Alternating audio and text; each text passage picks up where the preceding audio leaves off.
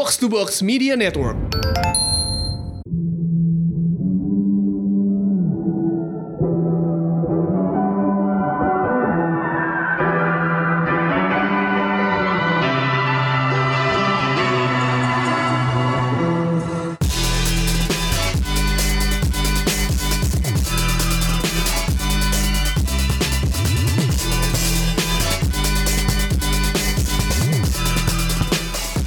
Datang di Showbox Podcast. Ada gue Lisa Dan gua Angga dan hari ini kita ngomongin film apa?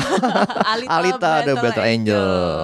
Eh, filmnya keren ya enggak? Tapi kita akan bahas keren nggak? Keren keren, gue suka, gue suka sih. Eh, seperti biasa, eh, Showbox Podcast hadir lagi dalam minggu ini mau ngebahas review. Heeh. Eh, kita mau bilang dulu nih, kita belum ada in frame nih minggu ini. Cuma Iya. nanti di minggu-minggu mendatang bakal ada beberapa wawancara khusus dengan Siapakah itu? Siapakah, Kejutan siapakah? ya. Tunggu aja ya, tapi bakal ada kok. Kita udah, ada udah ya. rekaman tapi nunggu momen ala apa sih? Eh, review kali ini kita mau eh, recap dulu kali ya semingguan ini nonton apa aja. Eh, Angga katanya nonton film film orang ganteng. Orang Gimana, ganteng, terlalu tampan akhirnya gue nonton. Lisa udah nonton duluan minggu lalu, gue baru nonton kan gue nonton ini. tuh press screeningnya soalnya. Gimana Ah. gimana menurut lo? Ya pertama gue kenapa penasaran banget dengan terlalu tampan karena gue Tunggu lo, lo ini enggak ini kan berdasarkan webtoon nih. Ya. Lo yang di line, lo baca nggak webtoon? Oh, enggak, enggak. Oh enggak, sama kayak gue. jadi benar-benar nonton dari film murni filmnya Oke. aja. Dan kenapa gue penasaran banget karena sutradaranya itu baru kan Sabrina Rochelle eh, Kalangi. Dia Ya. gue ngikutin karya dia tuh di pas dia bikin web seriesnya Ben and Jody eh, Philosophy Copy Oke. di Hmm. YouTube-nya Visinema Pictures. Dan gue lumayan suka gimana dia mengalirkan drama-drama dalam si kehidupan si Ben and Jody gitu kan. Ya. Makanya gue penasaran ketika dia bikin terlalu tampan. Terlalu tampan kan kisahnya tentang si si anak seorang remaja cowok namanya Kulin disebutnya Mas Kulin. Kulit. yang terlalu Ah. tampan jadinya dia jadinya dia apa namanya ser- selalu dikejar-kejar perempuan dan Hmm. dia trauma akan hal itu akan hal itu dan jadinya dia juga nggak mau keluar dari rumah Ya. sementara orang keluarganya pengen dia keluar dari rumah dan bersosialisasi kan Hmm. akhirnya dia keluar dari rumah dan sekolah di sekolah eh, khusus pria dan dan suatu ke- kejadian mengharuskan dia harus datang ke sekolah khusus perempuan Mm-mm. untuk menjalin kerjasama untuk prom night dan banyak kejadian-kejadian lucu setelahnya itu gitu kan Hmm. kayak gitu kan eh, inti ceritanya inti ceritanya sih seperti itu cuma pas gue nonton gue sepakat sih beberapa hal dalam Lisa di review dia di, di minggu lalu di episode minggu lalu Eh, awal-awal malah lebay banget ya mungkin karena komik kayak gitu cuman gue nggak nyebut doa gue. cuman makin ke sini makin ke sini loh ini kerasa nih si Sabrinanya nih eh, gaya gaya penyutradaraan dia gimana dia mendapatkan drama dalam filmnya tapi yang paling gua kerasa banget adalah eh gimana terlalu tampan ini meng- menggambarkan hubungan persahabatan dua orang cowok yang dekat Hmm. yang sebenarnya kalau kita perhatiin dalam film-film dra- drama drama di Indonesia Iya. eh, jarang tergali ini kayak gini-gini gitu Betul.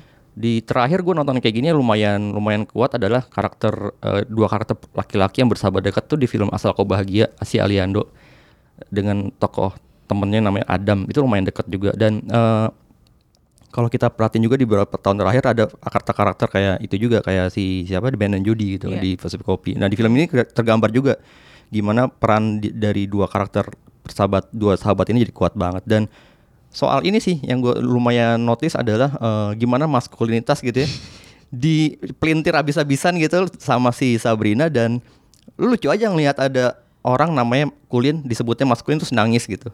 Terus satu lagi Okis kakaknya disebut Mas disebut jadi panggilannya Mas Okis terus nangis juga gitu.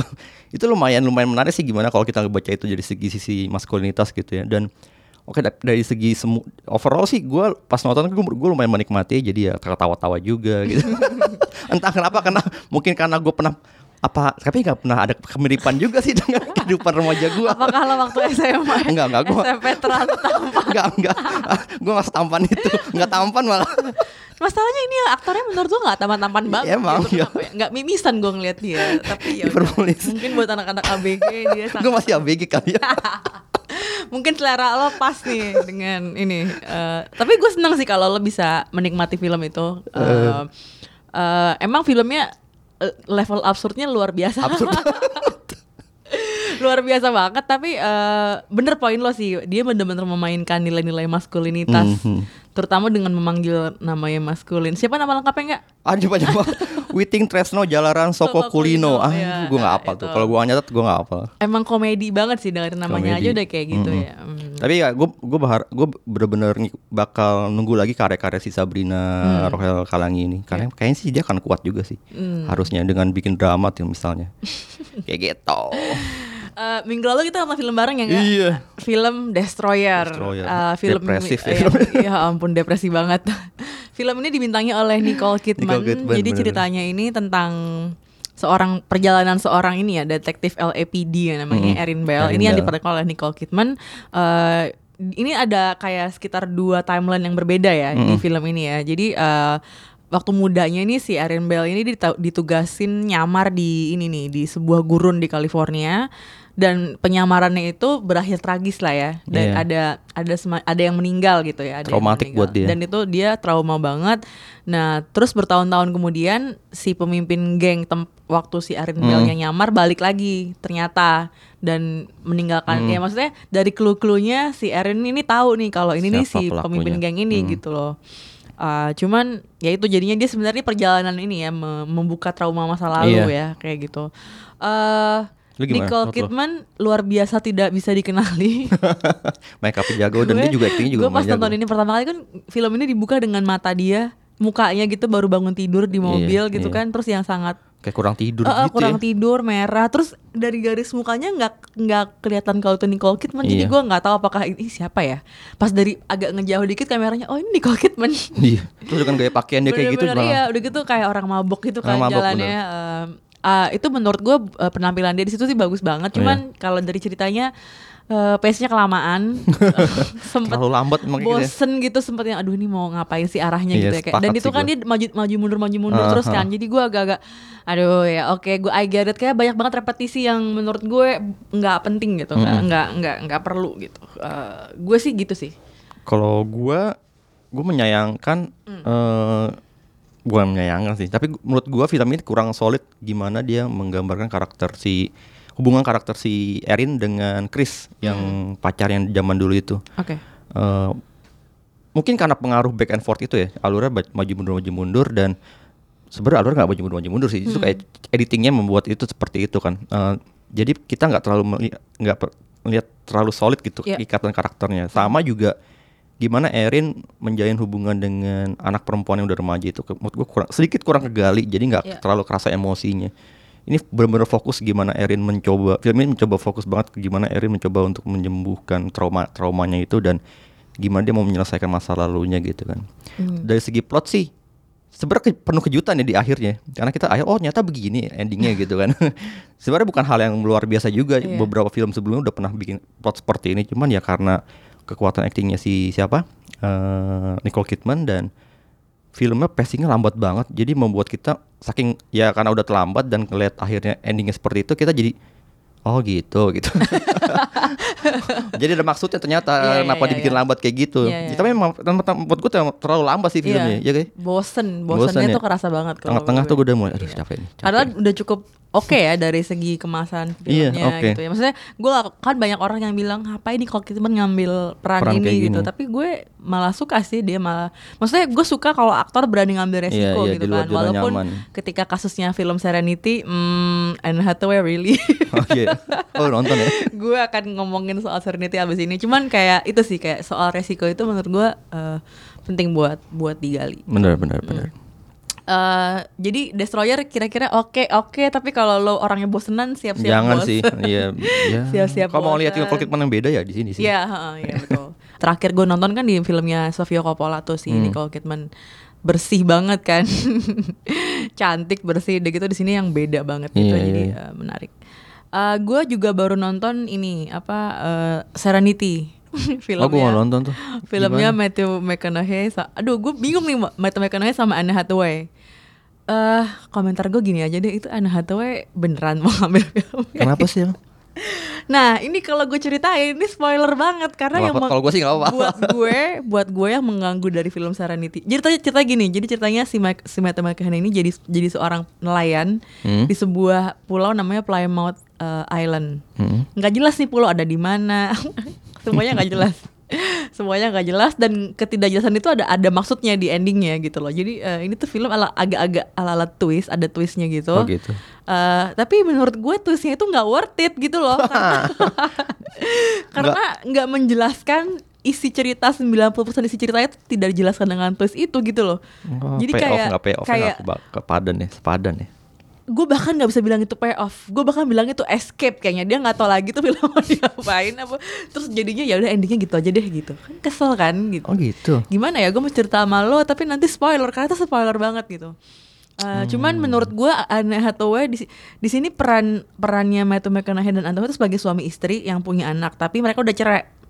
Jadi si Anne Hathaway nikah lagi sama orang lain Ah. gitu. Dan si orang lainnya ini si to- si suami barunya uh, abusive Oh, gitu. jadi dia minta si Mac- Matthew McConaughey sebagai uh, mantan suaminya tolong lo bunuh dia aja gitu intinya tuh kayak gitu jadi karena dia nelayan lo bawa lo, menarik kayaknya. lo bawa menarik sebenarnya kan dari segi awal awalnya ya. tuh gue Ah. sempet yang oke ini kayak murder by the beach apa kayak gimana Ah. gitu kan jadi lo bawa aja deh dia lo bawa dia ber apa sih mancing gitu ke tengah laut terus lo umpanin dia ke hiu kira-kira kayak gitulah Ah. Eh, cuman cara ngomongnya tuh yang kayak Hai John, nice to see you again. Gak kayak apaan Nggak sih? pas ya. Very over the top. Nanti akan dijelaskan kenapa gayanya ngomongnya over the top di Ah. ending. Yang menurut gue nggak masuk akal. Jadi gue yang kayak what? Nah, udah gini gitu.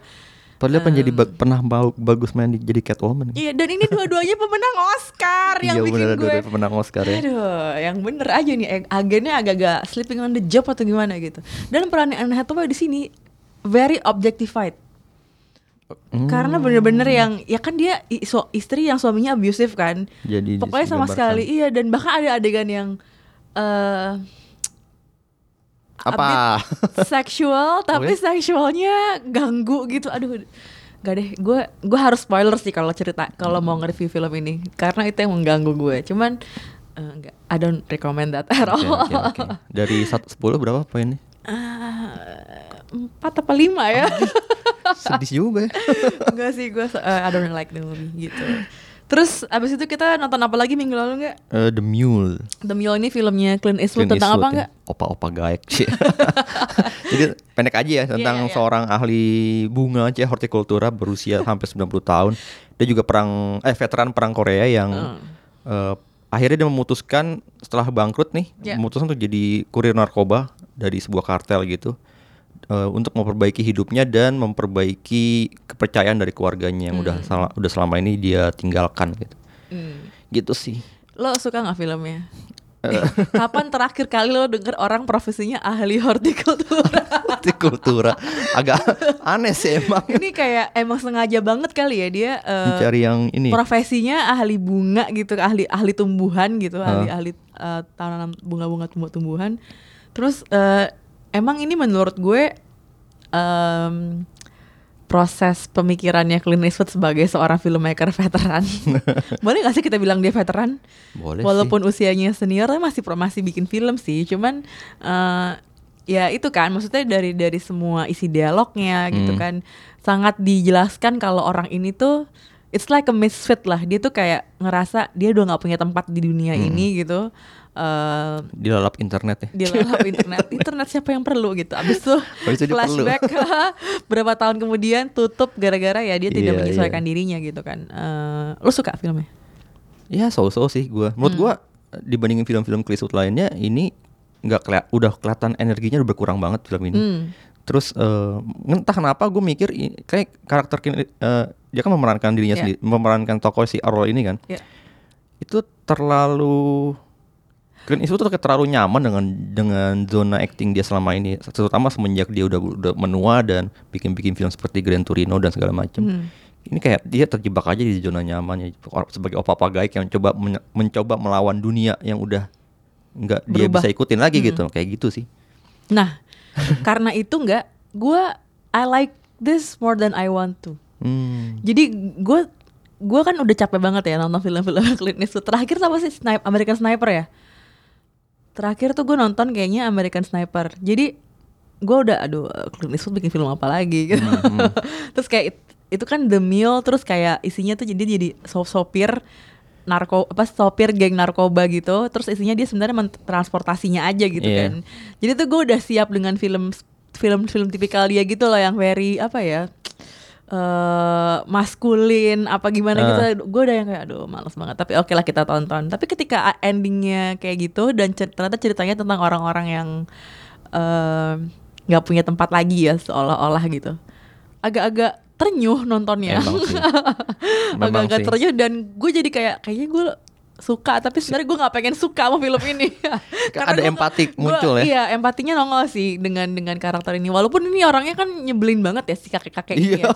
kayak udah dia rasis gitu terus dia ninggalin keluarganya. Nggak iya, ada iya. plus poinnya tuh kayaknya nggak ada gitu loh. Apa plus poin orang ini? Kayak gue nggak bisa nggak bisa paham kenapa orang harus suka dengan karakternya dia gitu loh. Karena dia ya tapi dia orang tua aja gitu ya nggak sih? Hmm jadi gue nggak tahu apakah ini cara Clint Eastwood buat berkomunikasi ke penontonnya kalau emang ya udah gue udah tua, gue udah mungkin gue udah nggak relevan lagi atau gimana. Uh, cuman ya ini ini piece of thought apa piece of mind yeah, gue yeah. gitu. Eh, tapi gue jadi inget gini, tetangga hmm. gue kan udah ada umurnya tua juga ya. Yeah. Terus dia pernah cerita gini ke gue, uh, ya saya mau jual tanah saya ini di belakang rumah saya gitu. Yeah. Tanahnya lumayan sekitar 200 meter, 200 200 meteran adalah. Hmm oh iya saya uangnya mau saya tab mau saya kasih ke kampung buat bangun masjid kayak gitu mm. buat apa lagi sih saya udah tua kayak gini gitu. Yeah. gue jadi inget loh tiba-tiba yeah. jadi ada perasaan-perasaan mm seperti itu empati yang muncul ketika kita nonton filmnya si Clint Eastwood yang ini dan yeah. memang kan di film ini kan si digambarkan si Clint Eastwood dia menyum mengasih uang hasil yeah. dia sebagai kurir ke untuk renovasi klub yeah. apa bar yang dia sering bar datengin apalagi itu banyak banget kan yeah. jadi kayak udahlah gue udah tua gue mau kasih uang ke siapa aja gitu yeah, yeah. empati muncul di situ sih emang hmm. cuman menurut gue ada beberapa adegan yang dibikin tuh kayak terlalu nggak matang gitu nggak kayak Clint Eastwood sebelumnya kayak hmm. ada adegan terakhir yang dia harus mendatangi istrinya yang sedang sekarat eh mantan istrinya yang sedang sekarat yeah dan itu di diintip sama anaknya. Anaknya hmm. ngeliat dari ajar lumayan deket. Itu kayak sinetron banget kan itu nggak matang aja buat gue adegan-adegan kayak yeah, gitu yeah. gitu. Sisanya sih emang gue lumayan suka dengan jok-joknya yang jok-jok orang tua gitu. Jok-jok kakek-kakek gitu kakek -kakek ya gitu. kayak yang misalnya yang ketemu pasangan kulit hitam di itu. Di, tengah, di tengah jalan gitu. Baik sih. Baik baik. Endingnya dia tetap nolongin, nolongin gitu ya. cuman apa sih dia kan remarknya yang neg dia ngomong negro apa kayak gitu kan jadi Dan dia republikan loh iya makanya uh, jadi gimana ya uh, positioningnya agak-agak awkward aja gitu loh ketika lo nonton ini terus kayak oke okay. Can we allow this to happen Clint Eastwood? I don't know. Cuman itu sih pada endingnya ketika uh, bisa gue bilang nggak ya endingnya di suatu tempat lah ya hmm. di suatu, suatu tempat yang mungkin the last places on earth di mana lo bisa berkebun dengan tenang iya, tenang. uh, itu cukup ironi dan membuat gue ah gue ah, oke okay lah gue suka lah boleh jadi dengan bunga lagi gitu iya, oke okay. lah gue suka lah gitu ya gitu sih gitu ya tapi kelihatan sih kenapa film ini jadi nggak kepilih buat nominasi gitu ya iya karena ya Oscar. ternyata begitu aja nggak sekuat itu ya, ya. Uh -uh. Oke, kita tonton eh kita tonton, kita dengerin dulu ya trailer dari Yoi. Alita. Alita Battle Angel.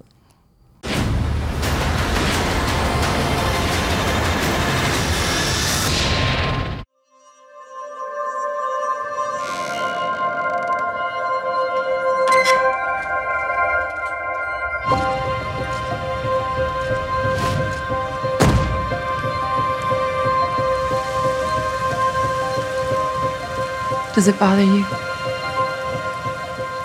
that I'm not completely human? You are the most human person I have ever met.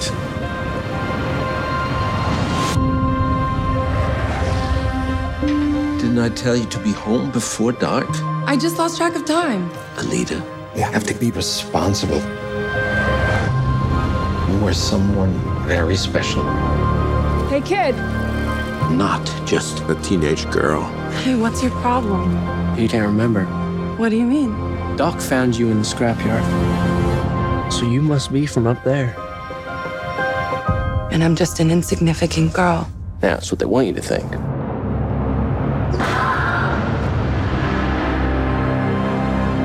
I'm not your daughter. I don't know what I am. I do. You're the most advanced weapon ever. But that's just a shell. It's not bad or good. That part's up to you.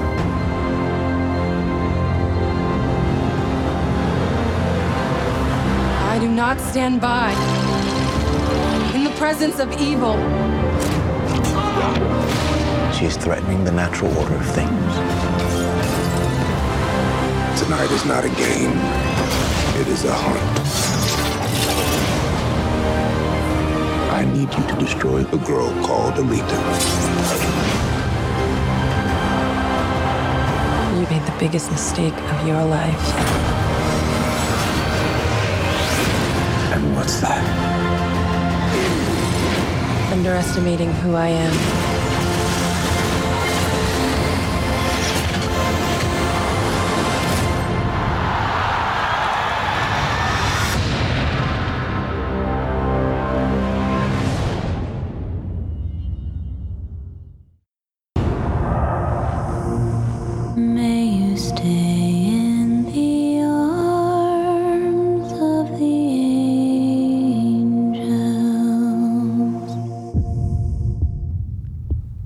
Itu dia tadi trailer dari Alita Battle Angel. Eh, perlu gue kasih tahu dulu ya, ini kita bakal bahas langsung ada spoilernya karena agak susah ngebahas Alita nggak pakai spoiler.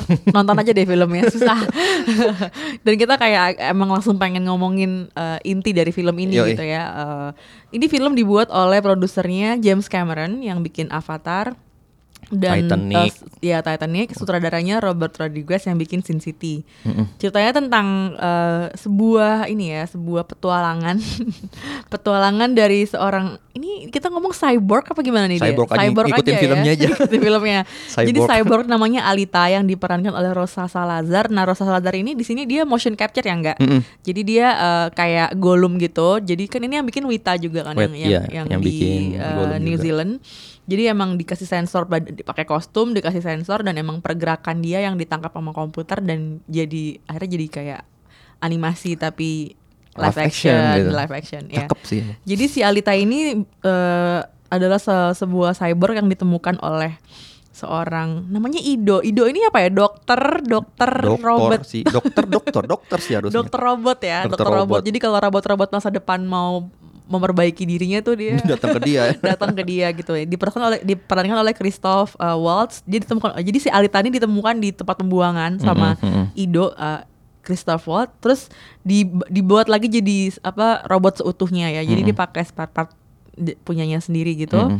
Nah, nah, terus dalam perjalanannya dia mulai kenal dengan dunia lagi gitu ya Mhm. setelah 300 tahun dia Ternyata 300 tahun Iya, ya. terbenglalai di tempat pembuangan sampah. Awal-awalnya gue kayak wah kayak wall ini. Iya bener. Iya. kayak Wall-E, wah ceritanya kayak Wall-E mirip di tempat pembuangan sampah.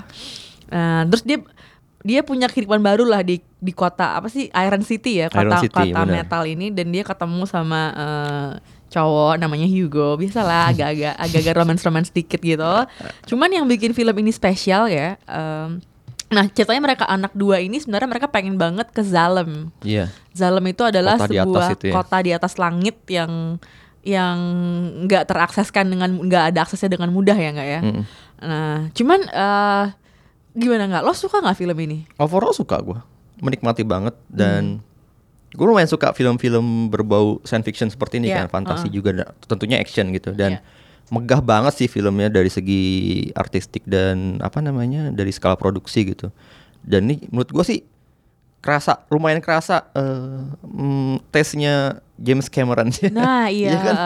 itu gue baru mau bilang dulu nih. Tadi kan gue bilang itu filmnya produser James Cameron. James Cameron dan Cuman John gue Landau. sangat sangat merasakan ini James Cameron banget dan nggak tahu ya Robert Rodri- Rodriguez ya Kerasa a- juga, kerasa juga. ada, ada. Cuman menurut gue vi- visi misi dari film ini itu menurut gue James Cameron banget Mm, gitu mm, loh. Karena memang kalau kita lihat filmografinya si James Cameron kan dia udah bikin Titanic, dia Mm-mm. udah bikin Avatar. Ini film-film yang mungkin secara cerita biasa aja, maksudnya cenderung formulaik, tapi secara teknis emang dia terus dia ini ya terus improve banget gitu Improve, dia sangat Jadi dia membuktikan teknologi. membuktikan kalau ini tuh mungkin bikin film kayak gini Hmm. kayak bikin Titanic misalnya yang kan dulu Bikin heb- set beneran itu ya. hebohnya tuh beneran gimana caranya lo syuting film per- perahu tenggelam terus Hmm. eh, nabrak batu es tenggelam gitu kan. Dulu kan it's something that people don't really consider Tahun bisa 90-an uh, ya. possible ya tahun 90-an kayaknya nggak mungkin deh. Pasti lo harus kayak studio atau gimana gitu Bener kan. dia bikin. Studio. Dan dia beneran bikin gitu. Studio raksasa buat air doang. Terus ya. challenge berikutnya adalah Avatar kan. Mm-mm. Justru lebih sangat megah dan sangat itu lebih gila lagi sih kalau nonton. Ya, dia kalau menciptakan nonton teknologi Avatar. sendiri buat bikin iya. itu kan. Nah, itu itu emang kontribusi dia buat iya, buat dunia film, buat sinema tuh ya emang dari segi teknologi, tapi kalau dari segi casting ya STD BGT ya Iya. gimana ya. Plotnya juga sih sebenarnya. Nah dari segi plot, dari segi casting tuh emang ya biasa aja gitu loh. Kayaknya jadi emang kalau lo nonton film-filmnya ya produksi James Cameron gitu, memang yang yang kekuatannya ya di situ ya Mm, enggak. mm, mm. Eh, dan ini kan sebenarnya di, di, diadaptasi dari manga. Hmm, gue gak baca sih. Nah, gue juga nggak baca manga. tapi kerasa nggak menurut lo mangganya? Hmm, gue nggak bisa komen ya soalnya gue nggak Hmm. terlalu ngikutin manga gimana. Eh, Mhm. Cuman yang sering gue denger-denger sih dari segi mata katanya menggambarkan manganya gitu. Di matanya si Alita. Gede banget ya iya. matanya. Iya, iya, iya. Gue nggak tahu selebihnya gue nggak bisa komen sih. Cuman eh, Tapi ya, kekuatan film ini menurut lo apa? teknologi. Jadi Hmm. gue ketika nonton, eh gue awal ragu. Gue Hmm. dari awal gue udah nungguin film ini. Pas gue nonton gue ragu gue bisa bisa attach gaya attach gaya dengan si Ya. karakter Alita yang dibikin dengan teknologi seperti ini. Dan dia bukan human kan dalam film ini kan. Hmm. Dia di motion capture sama teknologi itu. Yang diperankan oleh si Rosa Salazar. Dan pelan-lahan pelan-lahan makin kerasa sih emosinya menurut gue. Ya. Dan gue jadi mikir, gila kalau teknologi motion capture bisa secanggih makin secanggih ini gitu ya, Ya. semenjak dia dipakai buat menciptakan Gollum gitu. Ya. Lalu di Avatar juga bikin kayak gini dan sekarang di Alita.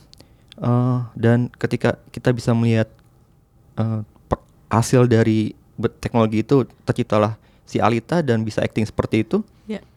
Walaupun itu sebenarnya digerakkan oleh manusia gitu ya, Hmm. cuma maksud gue itu apakah nggak menjadi disrupsi ya buat seni acting nanti ke depannya gitu? Hmm. gue jadi mikir, Ya, ya, wah ya. kalau mak- 20 tahun lagi atau 10 tahun lagi bisa makin canggih, ya bisa aja dong eh, nanti lo acting dibikin oleh teknologi kayak gini gitu kan, Ya. nggak bukan lagi pakai manusia gitu.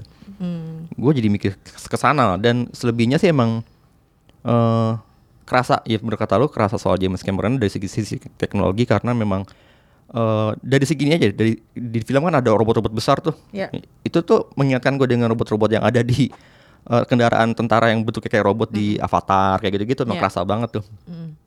Dan kan emang si James Cameron orang yang sangat teliti dengan teknis kan. Jadi Ya. hal kecil yang berkaitan dengan ciptaan penciptaan teknologi eh, CGI itu dia dia involve banget. Dan soal mata. Buat gue kekuatan si Alita itu ada di justru ada di mata. Karena ka- kalau nggak ada matanya gue nggak bisa ngerasa emosinya tuh. Mm-mm. Dia gimana dia nangis, pori-porinya tuh kelihatan di matanya, eh di, di bawah matanya itu kerasa banget buat gue dan itu terbantukan sih. Karena kan selebihnya tubuh dia kan Hmm. organik kan eh apa namanya eh, cyborg kan jadi Ya. bukan bukan bukan kulit bukan daging gitu loh selebihnya itu itu sih gue Iya, yang paling iya. menonjol dari film ini selama gue nonton gitu Kalau gue emang ngelihat motivasinya James Cameron nih sebagai seorang filmmaker ya, nggak cuma produser doang gitu loh. Kan dia pernah eh, waktu dia lagi ngasih announcement tentang Avatar, pernah ada pertanyaan soal Marvel kan, soal Oh ya? maksudnya Gimana soal film superhero. Pokoknya yang gue inget dari remarks dia, dari jawaban dia itu adalah kayak udahlah cukup nggak, maksudnya mau sampai kapan lo nonton film-film superhero kayak Marvel gini-gini kan. Which is orang-orang yang suka ya ya udah sih toh filmnya menghibur juga gitu loh. Iya. Emang film Avatar lo juga kan sebenarnya juga menjual visual effect juga Visual gitu effect, loh. bener. Kan sebenarnya kan kalau kalau lo mau mengkritik film superhero kan itu kan kayak Mm-mm. plot lo pasti ada yang jahat, ada yang baik dan pasti yang yang jahat kalah, yang baik menang dan ya everything in, the- in between Mm. tuh sebenarnya ya formula lo bisa-bisaan aja gitu kan. Cuman eh, banyak orang yang mengkritik James Cameron karena dia kayak gitu. Cuman memang kalau lo kalau lo perhatiin memang dia sebenarnya pengen ngasih sesuatu yang beda di dunia film melalui teknologi ini sih. makanya bertahun-tahun ya dibikin Makanya Avatar 20 dua nggak jadi-jadi Avatar dari kapan dari kapan ya dimundurin, Dimundurin terus lagi. sampai udah deh James lo nggak usah ngasih announcement apa-apa lo nanti kalau udah pernah screening baru lo kasih itu janji palsu gitu baru, ya. iya kan orang kan jadi kayak orang tuh Mengharap kayak nggak ber- jadi itu gitu. bertahun-tahun kan jadi Iya, kayak oh bener. the biggest movie of the year mungkin akan Avatar 2 gitu Hmm. mundur mundur mundur kabar 2020 ya nggak tahu juga nih jadi tahun nih Wah, gue sih I believe it kalau udah di udah ada di bioskop aja deh. oh ya udah jadi filmnya gitu. Karena kalau nunggu-nunggu announcement dia kayak capek gitu Iya, ya. iya, bener. Dan gue kayak jadi penasaran sih seperfeksionis apa sih Nah. sampai lo harus mundur-mundur-mundur gitu kan. Maksudnya ketika lo nonton Avatar aja kan, gue suka beberapa kali ini nonton Avatar sendiri gitu ya di rumah. Eh, masih terkesima kok gue dengan teknologi yang dihadirkan gitu Nggak- ya. belum ketinggalan zaman ya. belum masih, gitu masih ini heeh. ngejar maksudnya ya. kayak berarti kan dia orangnya sangat Visioner. apa ya visioner emang dia berpandangan ke depan banget gitu kalau nggak nggak nggak gue nggak mau melakukan apa yang sudah gue lakukan di Avatar tapi gue akan Yang baru lagi. melakukan hal yang baru gitu loh nah ini si eh, Alita ini juga mungkin ini kan dibuat udah 20 tahun yang lalu ya maksudnya konsepsinya gitu ya either dia nggak punya waktu buat ngerjain Alita karena ada Avatar jadi mungkin dia manggil Si Robert Rodriguez. Robert Rodriguez ini bisa lo mau nggak nyelesain film ini gitu Eh, karena kerasa banget ya nggak sih lo setuju nggak sih ini Iya. film tuh kerasa banget James Cameron Dari skala produksi tuh ya ini Cameron gitu. Hmm, Dan John Landau sih sebenarnya itu dua partnernya itu kan. Hmm. eh apa ya? Gue pernah baca ini eh, artikel liputan gitu panjang nar- itu kan naratif di New Yorker ngomongin tentang. Hmm. profilnya James Cameron. Ada satu bagian di situ nyeritain gimana ketika dia bikin Avatar dan dia eh apa dia dia meeting conference itu pakai video conference dan ngomongin soal bikin batu kecil terlempar gitu. Mm-mm. Batu itu menurut dia kurang presisi. Ngomongin batu doang. Dan itu minta direvisi lagi kayak gitu-gitu. Wah, ini benar-benar presisi. Orangnya benar-benar perfect gitu ya. Iya iya. Tapi gimana perasaan lo ketika ngelihat sebenarnya ceritanya biasa aja gitu? Dari Sebenarnya segi nonton- cerita gimana? Kan sebenarnya kalau dari film-film James Cameron, ya maksudnya ini film diproduksi James Cameron ya, eh, kayak sebelum-sebelumnya kan standar, ya kayak ya berkata lo protes standar gitu kan. Iya. Eh, ini kisah mengingatkan gue dengan kisahnya si Avatar juga si Jake dan Iya. Neytiri itu kan. Mereka kan dua dua ras yang berbeda, satu manusia, satu bukan manusia gitu. Akhirnya Iya. mereka jatuh cinta. Dan ini kan terjadi juga di film Alita. Si siapa? Si Hugo dengan si Alita. Dari awal kita udah dijanjikan, udah tahu nih pasti akan pacaran nih gitu Iya, kan. heeh. Eh, terus akan tahu juga si Alita akan tahu kalau Hugo tuh kerjaan adalah mempreteli tubuh-tubuh cyborg gitu kan. Hmm. Iya, dia iya. akan dia akan kesel dan Alita akan Pasti marah. akan terjadi konflik. Konflik itu standar banget gitu. iya. Kita, kita bisa nebak juga dan Tapi gue dengan formula ketebak gitu, gue kemarin nggak nontonnya nggak defensif sih nggak. ya udah ya nerimo Iya. nerimo gitu ya. Jadi gue kayak ya udah deh, terima aja deh gitu. Nggak tahu kenapa ya, mungkin karena gue keburu bersimpati dengan Alita. dengan eh, Apanya? kapan lagi lo nonton Oh. karakter cewek bisa silat terus kayak yang ah gue lagi dikejar nih lo harus menyelamatkan gue Udah langsung dia keluar dari ini terus ya. dia langsung meninggalkan arena itu terus Arena. kayak langsung jadi kayak damsel in distressnya di sini tuh si cowok si Hugo-nya ini gitu kan Eh, itu sih menurut gue ya boleh lah boleh lah untuk jadi sesuatu yang baru Baru, bener. karena eh, kalau lo kalau gue mengharapkan ada film cewek yang yang bisa kick ass yang bisa jagoan gitu adalah Captain Marvel kan tapi ternyata keduluan sama Marvel. Alita Pembuka mana? Iya jadi Pembuka, pembuka, yang menanis pembuka, ya. iya, iya, Yang iya, iya, awalan iya. yang bagus gitu ya. Iya, iya, iya. Walaupun sebenarnya dari segi cerita ya biasa, Biasa aja, sih. heeh. Tapi gue menik, udah kata gue juga menikmati Hmm. banget kan. Ya udah ceritanya seperti ini ya gue nikmatin juga gitu. Tapi emang menurut gue jago sih eh, ada si Robert Rodriguez dan eh, dan visinya si James Cameron Hmm. ketika dia bikin cerita seperti ini dia jago juga karena eh, dia bisa menahan ambisinya untuk mencer- menceritakan hal-hal yang sebenarnya bisa diceritakan gitu. Karena dia kayak menabung buat hopefully ini akan jadi sequelnya ada sequelnya kan. Jadi kita dibuat penasaran nih sebenarnya si Alita ini siapa sih? Nomor 99 yang ada Iya. itu itu sebenarnya maknanya maknanya apa? Terus apakah itu the fall gitu kan? Bagi orang yang nggak baca komik kan pasti kan harus tahu kan. Cuma ini nggak ini kayak diceritain di- dicicil-cicil gitu loh. Jadi kita jadi penasaran. Dan akhir endingnya kan lo jadi kaget ya. Oh ternyata endingnya seperti itu. Dan kita tahu siapa yang jadi si tokoh jahat si Nova itu siapa siapa pula gitu. Ya. Ini kayaknya ada potensi bakal dilanjutin ya kalau ngelihat uh, bangunan Gue sih berharap ya. Gue sih pengen banget nonton lagi yang kedua nih. Iya iya iya iya. Ya, tapi nggak tahu dari segi perayaan box office katanya Katanya flop, flop, di iya. luar sana. Tinggal berharap dari du- Di Amerika internasional. ya. katanya flop ya. Kenapa ya? Apa karena eh, nggak gue lagi berusaha memahami aja gitu loh. Kenapa yang kayak gini flop? Tapi kalau super, superhero ya brandingnya udah jelas ya. Apa ini, karena orang nggak terlalu tertarik dengan judulnya Alita Battle. Angel gitu. nggak tahu mungkin juga kita harus ngeliat juga mungkin track record film-filmnya diadaptasi dari produk-produk eh, medium-medium non film dari Asia gitu. Kayak apa namanya eh, sebelum-sebelumnya kan ada juga. Em, ya kita gua nggak tahu sih. Mungkin bener kata lo juga apa apa ya film-film superhero itu lebih dinantikan juga di sana. Tapi ya kalau ngelihat ininya eh, materi ceritanya sebenarnya ini cocok buat eh, selera penonton Asia sih. Hmm. dan Gimana tuh maksudnya? ya apa ya? Megahnya gitu kan. Terus hmm, kisah drama sebenarnya itu kan nyangkut di mana pun ya. Drama-drama antara ayah dan anak kayak Iya. gitu. Terus gen- drama antara dua orang yang beda beda beda banget gitu. Antara du- satu manusia satu bukan. Itu sebenarnya kan visi yang dan dram dan dan karakter yang di yang coba untuk bisa masuk ke mana pun dia ada eh, mana pun penontonnya itu kan sebenarnya harus bisa sih dan di Asia mungkin ya karena emang ini film juga lumayan gede ininya bassnya dan eh, promonya ya mungkin harusnya lebih kencang juga dan gue baca sih emang katanya di Cina diharapkan banget ini bisa eh, dongkrak ininya box office-nya gitu Hmm. mungkin di Iya. Jepang mungkin, Mungkin di Jepang, Jepang. kan karena negara asalnya gitu ya Iya iya iya. Gue nonton film ini ya karena gue nggak baca manganya ya, tapi gue cukup menikmati adegan-adegan actionnya gitu. Oh, apalagi bagus ketika desainnya apalagi ketika wah, ketika dia lagi di mana sih arena permainan itu? Iya, ya itulah rollerblade yang, ini, ya, rollerblade. dari ketika pertama kali dia main gamenya itu apa sih namanya? Yang ada bola yang ada bola-bolanya itulah pokoknya ya. Eh, itu aja udah kayak wow ini seru sih. Iya, iya. Karena eh, kalau gue perhatiin dulu permainan yang ada di film tuh apa ya? Hmm, kayak misalnya Harry Potter kan ada Quidditch-nya kan. Hmm. Lo nggak begitu ngerasain serunya gitu. Tapi kalau di sini tuh lo bener-bener kayak lo lagi main terus kayak ah, awas ketangkep orang, Iya, awas mau dibunuh. bolanya gini. Iya kayak gitu. Jadi kayak itunya kerasa banget kayak. Terus adegan-adegan actionnya menurut gue bagus-bagus Bagus. gitu. Desainnya Eh, bagus. Kata Angga pas gue lagi ngobrol nih sebelum rekaman, ini si Rosanya ini ternyata pernah main di film Bird Box ya. Berbox yang jadi polisi Yang eh polisi, calon iya. polisi sebenarnya Tapi mukanya nggak mirip ya di- dibanding Alita Iya, yang iya udah sih. jadinya gitu. Mungkin karena matanya super besar. digedein matanya men Menurut lo gimana adegan actionnya enggak? actionnya bagus eh jago nyata Red Rodriguez bikin mendesain adegan action seperti itu dengan disupport oleh skala produksi yang gede juga dan eh, apa ya dia mengkoreografi adegan-adegan action mulai dari dia berantem di bawah tanah itu Iya. Lalu dia kejar-kejaran ngebut bola di arena arena permainan itu dan sampai akhirnya pun gimana dia bikin eh, ini kalau kita ngomongin soal latarnya gitu ya si membikin desain si Sin City eh Sin City lagi Sin City film di sebelumnya. Salah salah salah judul Pak. Iron City. Itu tuh eh, mendukung banget sih.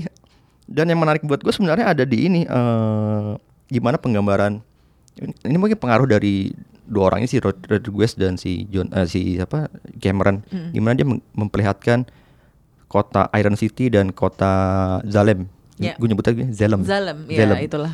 Nah itu mengingatkan gue sebenarnya film ini sepanjang gue nonton gue mengingatkan gue pada Elysium Elysiumnya Hmm, Matt uh, Neil ah, si tahun 2013 itu kan. Itu kan juga si beberapa tokoh di dalam Elysium itu kan bercita-cita ya menyimpan impian untuk ke Elysium kan. Untuk hidup lebih baik dan di sini juga si Hugo di Alita juga pengen untuk ke Zalem karena dia pengen hidup lebih baik walaupun di Zalem akan jadi kelas masyarakat kelas bawah di sana gitu Iya, kan. iya.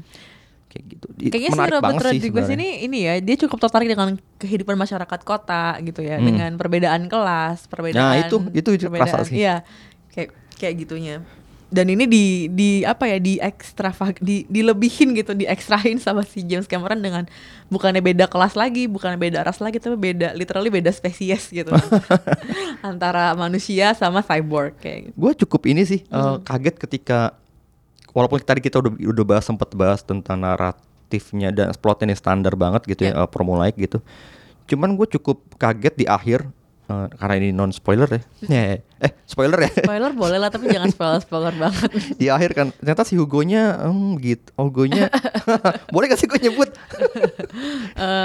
Iya, pokoknya yang tadi kita diharapkan Hugonya itu jadi udah akan hidup bahagia gitu, ternyata nggak bahagia gitu. Hmm, ternyata endingnya ternyata endingnya kelam juga gitu wah gue kaget sih wah ini sih nggak sebenarnya ini film lumayan berani men- eh, membuat edit Cukup seperti gritty itu. ya. Ah, gritty dan jadi kerasa malah eh, emosi si Alita itu kenapa dia pengen merobohkan dinding pemisah antara Zalem dan apa namanya Iron City karena dia punya pengalaman buruk berkaitan dengan si Hugo itu kan. Gue cukup appreciate dengan eh, gimana film ini membuat endingnya seperti itu. Ya beda aja dengan film-film James Cameron yang happy ending gitu rata-rata kan. Kalau gue komplain soal film ini cuma soal castnya aja sih ya, Siap. very traditionally white gitu. Oh. Jadi yang orang Asianya, pokoknya diversity-nya kurang banget. Buat juga ya. Eh, Iya, terus ya, yang orang Asia sama orang apa sih itunya malah yang cuma diem aja, sangat pasif segala macem gitu. Marsala Ali sih. tuh kayak tanggung.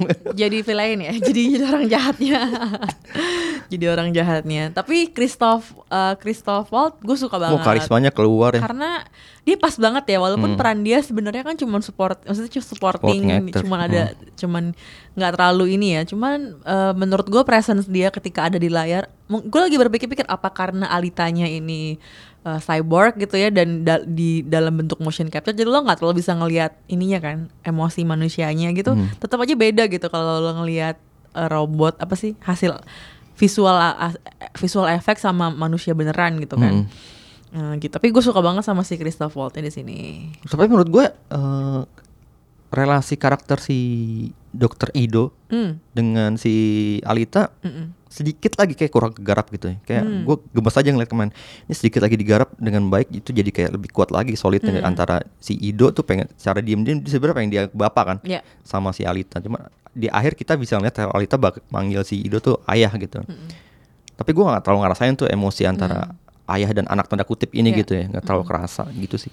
Nah itu kalau lo lihat dari karakternya ya kan ada Ido, Alita itu nama nama orang nama orang Jepang banget kan. Jepang, Jepang. Nah itulah kenapa gue agak-agak kenapa sih harus lo nge-cast ya castnya itu yang gue permasalahkan kan lagi-lagi Hollywood penyakit Hollywood. penyakit men. Hollywood nggak nggak berubah mau udah itu mau ada apa gitu Eh, itu sih jadi kayak agak-agak ya gue sih kurang seraknya di situ nggak Hmm, hmm. dari segi cast castnya emang problematik menurut gue ada catatan lagi nggak tentang film ini sebelum ditutup? Em, menurut gue ya film ini lumayan karena dia punya punya apa ya punya sifat science fiction yang lumayan, kuat. Ini lumayan enak juga sih ketika dia em, benar-benar memanfaatkan elemen-elemen science fiction. Karena setahu gue kalau elemen science fiction itu memang selalu memuat tentang masyarakat yang futuristik gitu dan ini dan ini kejadian ada di film ini. Dan juga ada gambaran gimana masyarakat yang dan dunia yang udah post ap- apokaliptik itu kelihatan juga di film ini.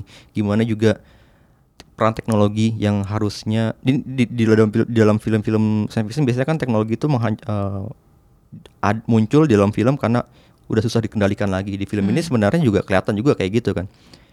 Ini lumayan dimanfaatkan. Gue berharap sih di film selanjutnya kalau emang akan dibikin ini lebih, lebih dieksplor lagi sih karena kita menun gue gue sendiri gue pribadi gue menunggu banget apa sih yang ada di dalam itu gitu. Iya kan itu sangat masih dirahasiain banget nih Iya, masih iya. belum terbuka gitu. Dan gak ada yang bisa naik ke sana kan kecuali lu menang di permainan itu Iya, gitu. mm-mm. gila sih. Itu aja kali ya nggak Boleh. review kita tentang film Alita eh, overall menghibur berapa nggak dari 10 tujuh sih gue sama. Sama ya karena itu kalau misalnya castingnya bagus aja mungkin 8 ya iya mungkin 8 ya bener sih Cuman ini dari segi teknisnya aja gitu. Thank you banget udah dengerin Showbox di Ya. episode kali ini. Next kita bakal nge-review apa enggak? ada tuh film Yang cowok-cowok ganteng ya? cowok-cowok. Cowok Terlalu tampan udah. Udah. Enggak enggak enggak. Kita Yang- bakal nge-review film apa? Foxtrot ya? Foxtrot. Atau antologi, antologi. Ya, Kayaknya dua-duanya kita bakal Dua-duanya review ya, sih dua-duanya ya. Jadi kita bakal review film antologi rasa, Dan Foxtrot Six. Foxtrot Six dan yang akhir bulan ini keluar. apalagi selain Dylan Gila ya. Oke, thank you banget udah dengerin. Showbox adalah kolaborasi dari uh, Good Show dan Box to Box Media Network. Bye. bye bye